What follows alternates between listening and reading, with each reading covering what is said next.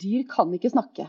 Hvis du og jeg hadde vært i en sånn kropp, så hadde vi gått rundt og spist Ibux og klaget hele tiden og hatt et veldig dårlig liv. Ikke orket noen ting og uttrykt det veldig klart.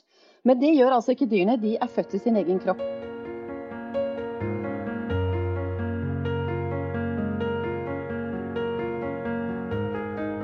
Aldri før har så mange nordmenn ønsket å skaffe seg hund. Den store etterspørselen har ført til en usunn forretningskultur hos noen av oppdretterne. Dyrevelferden er på et nivå som vi ikke kan akseptere. Det sier Arve Nilsen, veterinær, forsker og fast skribent i Dag og Tid, og Toril Moseng, veterinær og president i Den norske og visepresident i Den europeiske veterinærforening. I dag skal jeg snakke med dem om den usunne hundeavlen.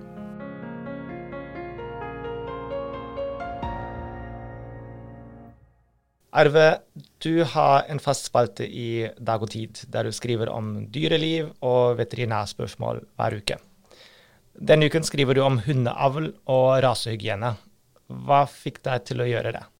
Ja, jeg, jeg har jo vokst opp med hund. Og det samme har alle ungene mine etter hvert. Og hund har vært en stor del av livet. Og jeg har lenge tenkt at det er noe feil med den typen hundeavl som fører til sykdom og skader. Eh, og jeg tror at med ny kunnskap om dyrevelferd, og vi fikk en ny lov om dyrevelferd i 2009, og med moderne avlsmetoder, så var vi på god vei bort fra de her problemene. Men så ser det jo ikke sånn ut. Og det er mange som er bekymra for at det går for seint, eller i feil retning. Og Norsk Kennelklubb og dem som avla på bulldog og kavalier King Charles Spaniel, populære hunderaser, de skal jo i retten nå i høst. stevna for lovbrudd av dyrebeskyttelsen. Det er ganske alvorlig, tenker jeg. Og så har jo Veterinærforeninga med Toril Moseng i spissen har jo òg tatt opp dette temaet i lang tid. og Jeg tenkte at eh, ja, det her bør flere være opptatt av, rett og slett. Toril Moseng, vi er veldig glad for at du er med oss som ekspertgjest i dag. Du er veterinær.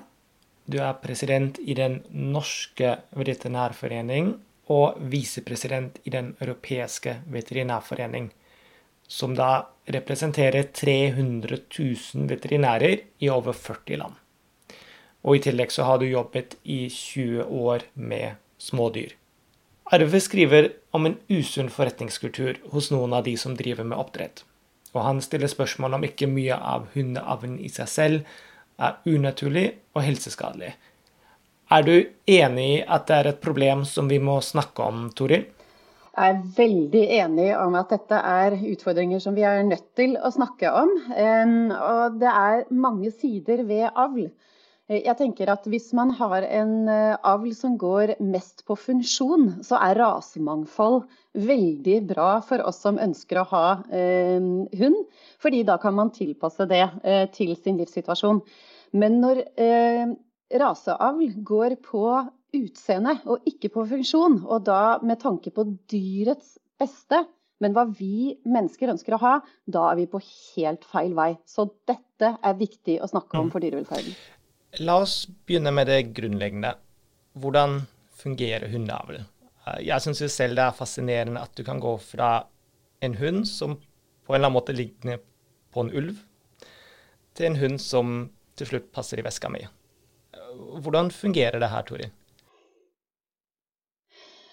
Ja, det er veldig fascinerende. Og så er det jo sånn at veldig mange raser har eh, en lang historie mange hundre år tilbake i forhold til hvordan eh, de skal fungere og hva slags oppgaver de har.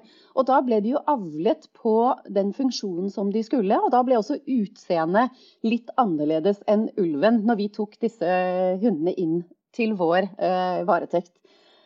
Så, men når vi da avler videre eh, på f.eks. at vi ønsker et spesielt utseende, og vi har, eh, la oss ta bulldoggen, da, eh, som tidligere hadde et ganske så annet utseende i forhold til at den var en oksekamphund som trengte da sterke kjever, eh, litt oppstoppernese med underkjeve for å holde byttet nede. Så har man avlet det ekstremt videre. Og det å avle ut fra dyr som f.eks. har litt kort nese, å avle kun på de da, som har kort nese, så gjør man det veldig mye raskere enn f.eks. å avle det tilbake igjen.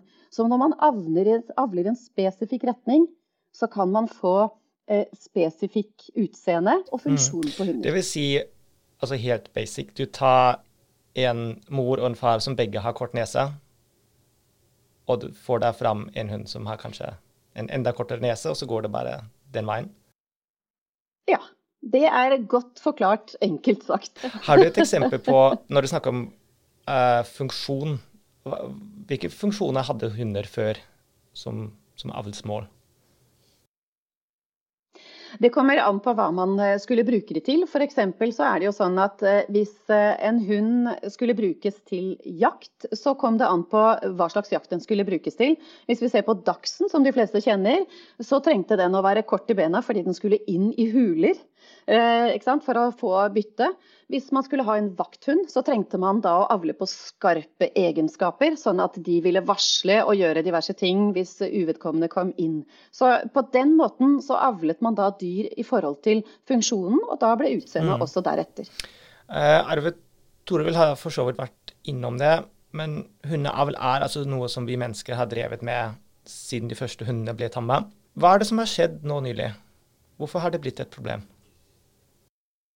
Ja, Vi kan eh, gå litt tilbake til det, det, vi kaller for eh, temming eller domestisering av de viktigste husdyrene våre, inkludert hund, har jo tatt noen tusen år. og Hund og, og katt kan vi ta med, det er jo ganske spesielle dyr da, som vi i liten grad har brukt til mat, men, og heller ikke til så veldig tungt eller farlig arbeid. De har vært bruka som familiedyr og hjelpere, og dermed et mye, særlig hunder, da, og mye bredere bruksområde. på en måte. Dermed så har det vært rom for å avl på mange forskjellige varianter av hund, tenker jeg. Eh, Sammenligna med f.eks. kyr, da, som har en litt mer sånn snever eh, bruksområde. Det er melk og kjøtt og drakraft. Eh, jeg, vet jo ikke så mye om hva de tenkte for 5000 år siden, men jeg tror at det, som Toril snakka om, det her med funksjon, da, jakt og vakthold og hundesleder og sånne ting Men eh, ta f.eks. tibetansk spaniel. Det er ganske søte hunder. Da. Det er stilige hunder, syns jeg. De er små, de er fire-fem kilo. Jeg syns de ser ganske funksjonelle og fine ut. De blir ofte kalt en stor hund i en liten kropp. De har ganske mye, de har, eh, Av de små hundene så har de ganske mye ulv, eller mye sånn naturlig hund inni seg. Eh, og de var jo bruka som vakthunder. Eh, og pluss at de bruka dem som varmeflaske i senga de kveldene det var kaldt oppe i fjellene i Tibet. Så de passa liksom i fotenden av senga. Så det var liksom to, to funksjoner, og de fikk det liksom inn i én liten kropp. Uh, og, og, vi kan finne spor etter sånne hunder i arkeologi og bildekunst sånn til en par tusen år tilbake. Uh, uh, så det, Vi har holdt på med det lenge, men de har liksom kombinert både med utseende og funksjon på en vis. da. men hvis du går tilbake igjen til avl, så, så, tenker jeg at, at det her Hvis du skal ha et sterkt fokus på funksjon, så vil du ofte leite litt sånn ukritisk etter hunder med all slags rare utseende. For du er ute etter en hund som funker til noe spesielt. Ta Alaskan husky. Det er ikke godkjent som en egen rase, egentlig. Det er, sånn, det, det er blandingshunder. De ser ut som hva som helst, men de springer. De er laga for å springe. og Det er på en måte jaktinstinktet til hunden som er transformert til spring, spring, spring. Eh, eh, på den andre yttersida så har vi de her hundene som Toril var inne på, det her med bulldog f.eks. Den, den var sånn at de slapp hele flokka med bulldogger løs, og skulle de, skulle de eh, legge en okse i bakken. Og den bulldoggen, så vedda de hadde sånn der eh, nummer på dem, og så var det den bulldoggen som beit oksen i nesen og reiv han ned i bakken, han vant. Eller de som vedda på den hunden, vant penger. Eh, så, og Da måtte skjevene være kort og veldig sånn kraftige. Så syntes folk at det var kule hunder. og det her med sånn oksekamper ble kanskje litt mista populariteten. Så, men hundene var det jo der, så da avla de på kortere og kortere neser. Eh, og da I dag så er jo det bulldoggen er jo et dyr han kan verken bite ifra seg eller puste på normalt vis. Kunne alle vært bruka til noe oksekamp. Det er ekstremavl, som Tore ble inne på. Det er, det er ikke funksjonelt. Eh, det er bare en, en, veldig merkelig definisjon av noe som vi mennesker syns er attraktivt. Eh, og det har ingenting med hundens funksjon å gjøre. Jeg skriver litt i, i, i artikkelen at det er ikke bare ødelagte hodeskaller og åndenød som du da får på sånne kortsnutehunder, men, men du får en veldig redusert genetisk diversitet, altså du, det du kaller for innavl. Og da dukker det opp en lang rekke skadelige deformiteter når innavlen blir kraftig nok. og det Eh, det der har jo Toril har jo jobba med smådyr og, og, har jo sett veldig mye av det her inne på klinikken. vil jeg. Så problemet er altså at vi har gått fra et mål om funksjon til et mål om utseende når det gjelder avl?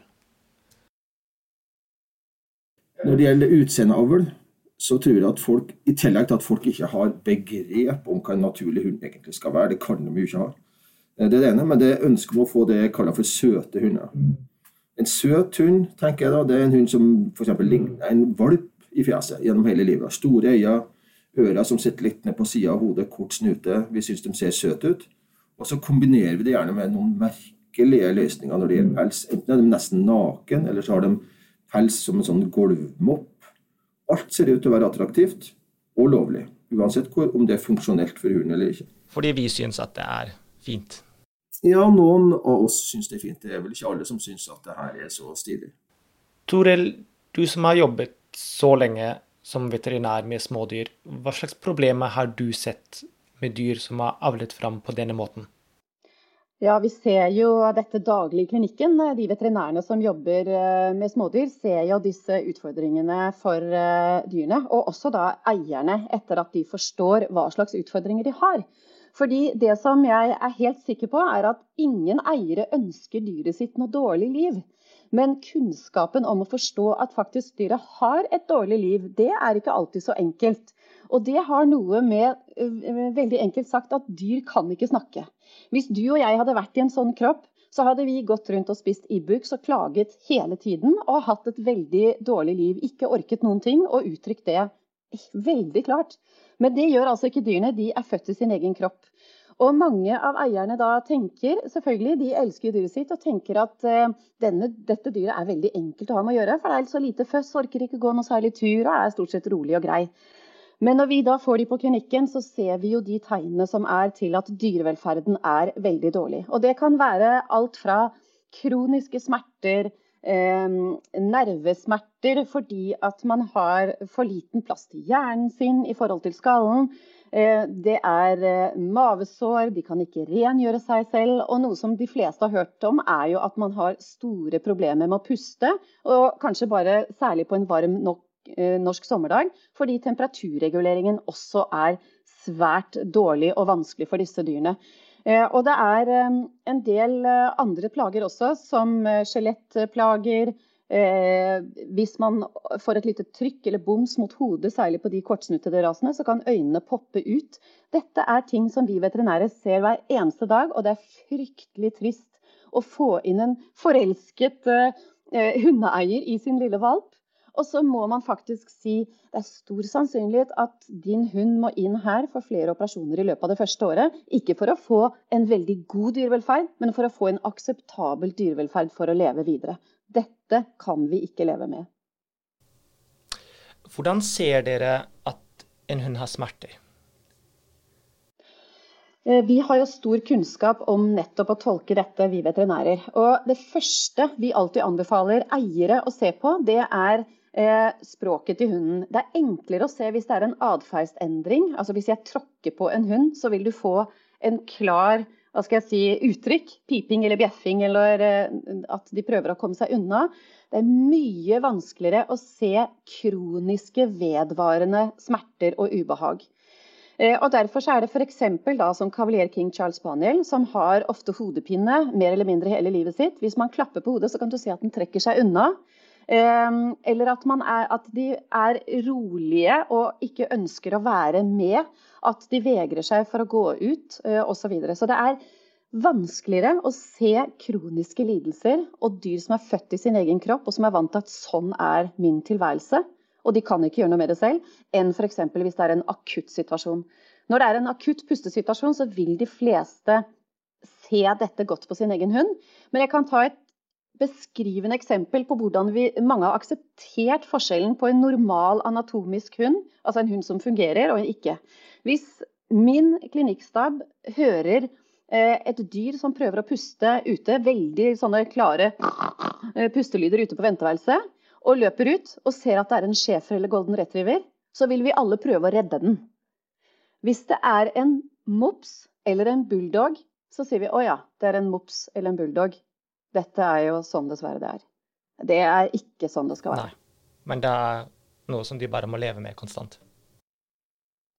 Ja, og det skal de ikke gjøre. Og Derfor må vi drette opp hunder som har en anatomi som gjør at funksjonen, de vanlige kroppsfunksjonene med pusting og alt dette her, at det faktisk fungerer.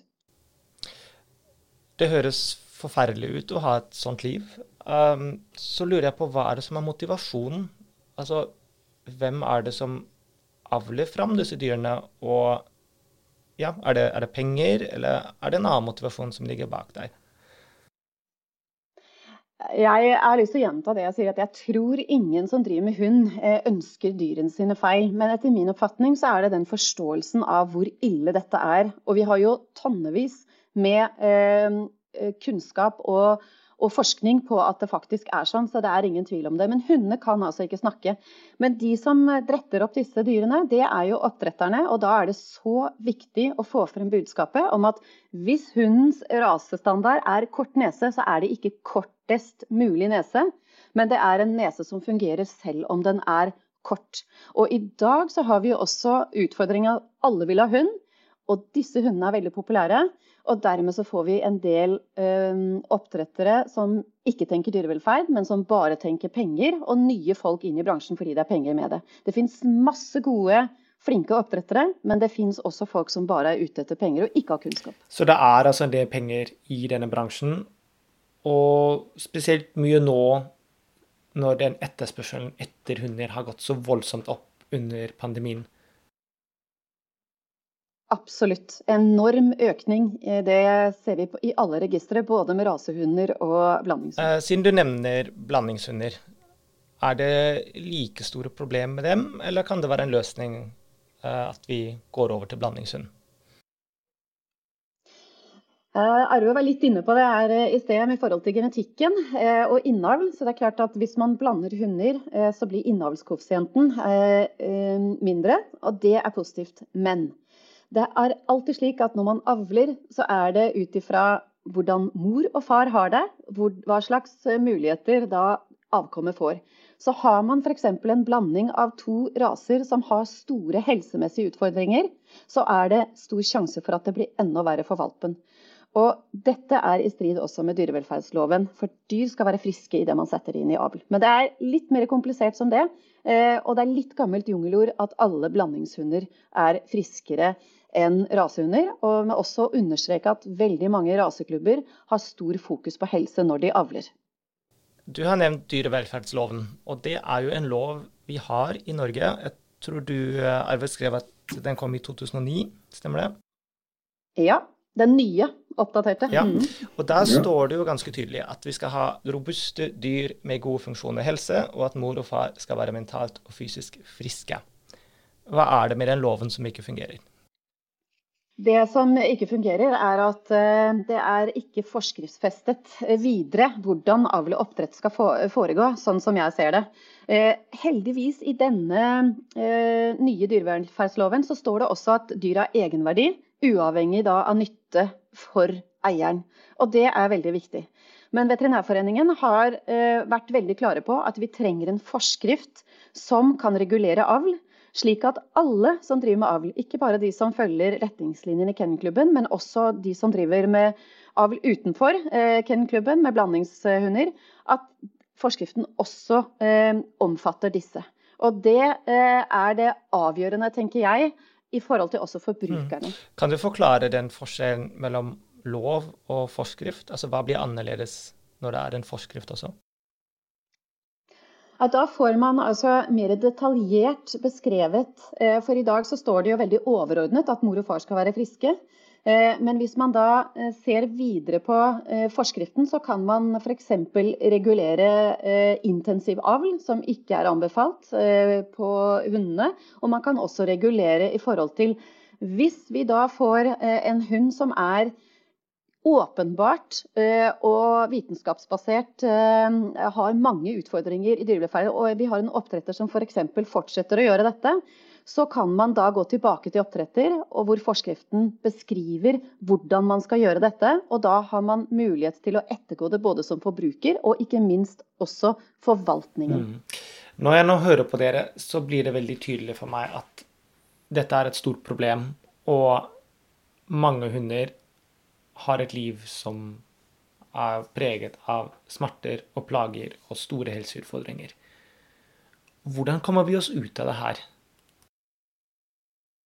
Jeg tenker at uh, det her med blandingshundløsninga, uh, den er åpenbart ikke det eneste veien å gå. Det er mm, f.eks. på noen av de her de populære hunderasene som, som, har de største utfordringene med kort snute, så, så, er det jo noen land hvor de har gått inn og avla inn dyr av en annen type, men som har mer funksjonelle snuter. Eh, F.eks. i Norge har vi lundehund, som er en sånn bitte liten hunderase som var utrydningstrua. Vi har vel sju utrydningstrua dyre, altså hunderaser i Norge, og lundehund er en av dem.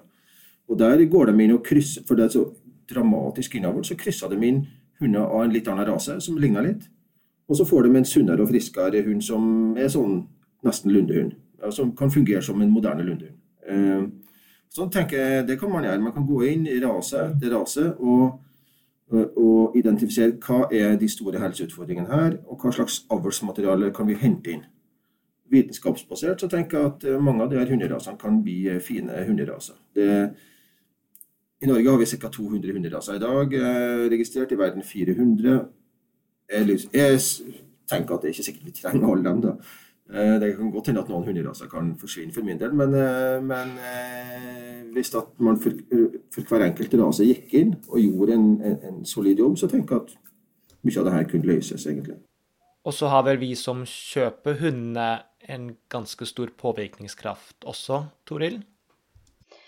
Jeg tror at eh, forbrukermakt har en enorm betydning, men da må vi også eh, få kunnskap og forståelse for hvorfor eh, og hvordan man skal gå frem når man skal velge hund. Og Jeg har bare også lyst til å presisere at jeg er så enig med Arve at man må krysse inn andre raser, som det er gjort mange steder. Også på de rasene som ikke har anatomiutfordringer, men f.eks. Mopsen både i Finland og Nederland har vedtatt, altså Mopseklubben der nede.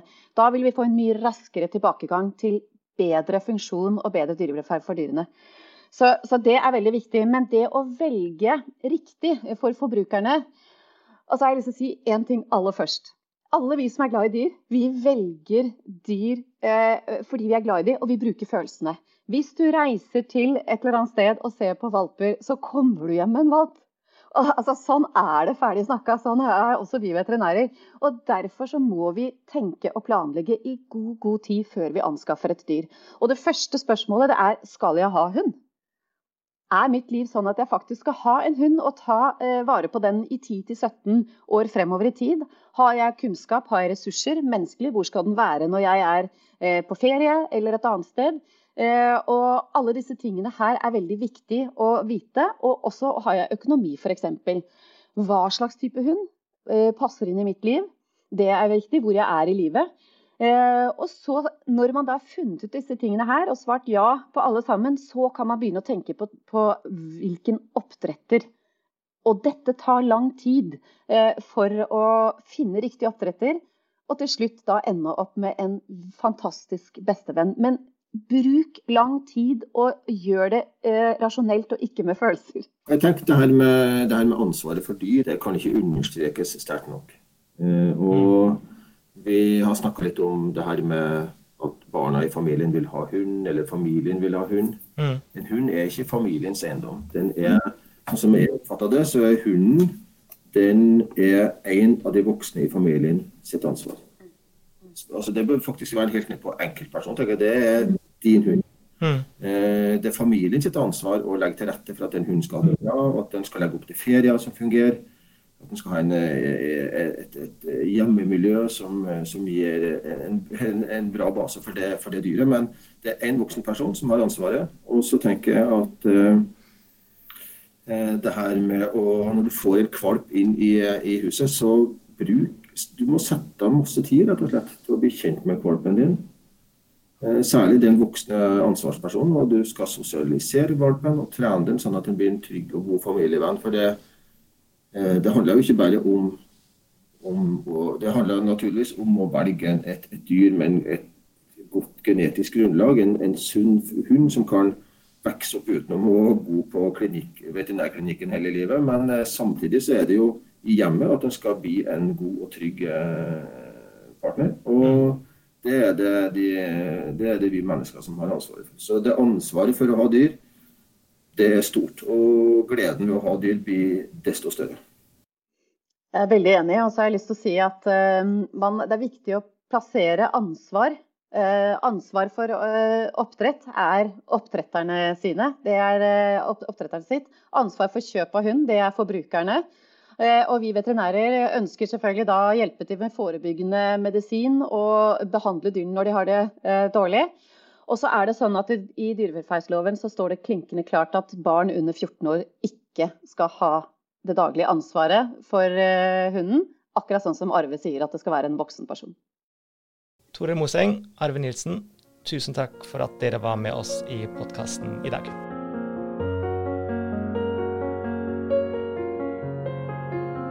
Du hørte på Dag og Tid-podkasten.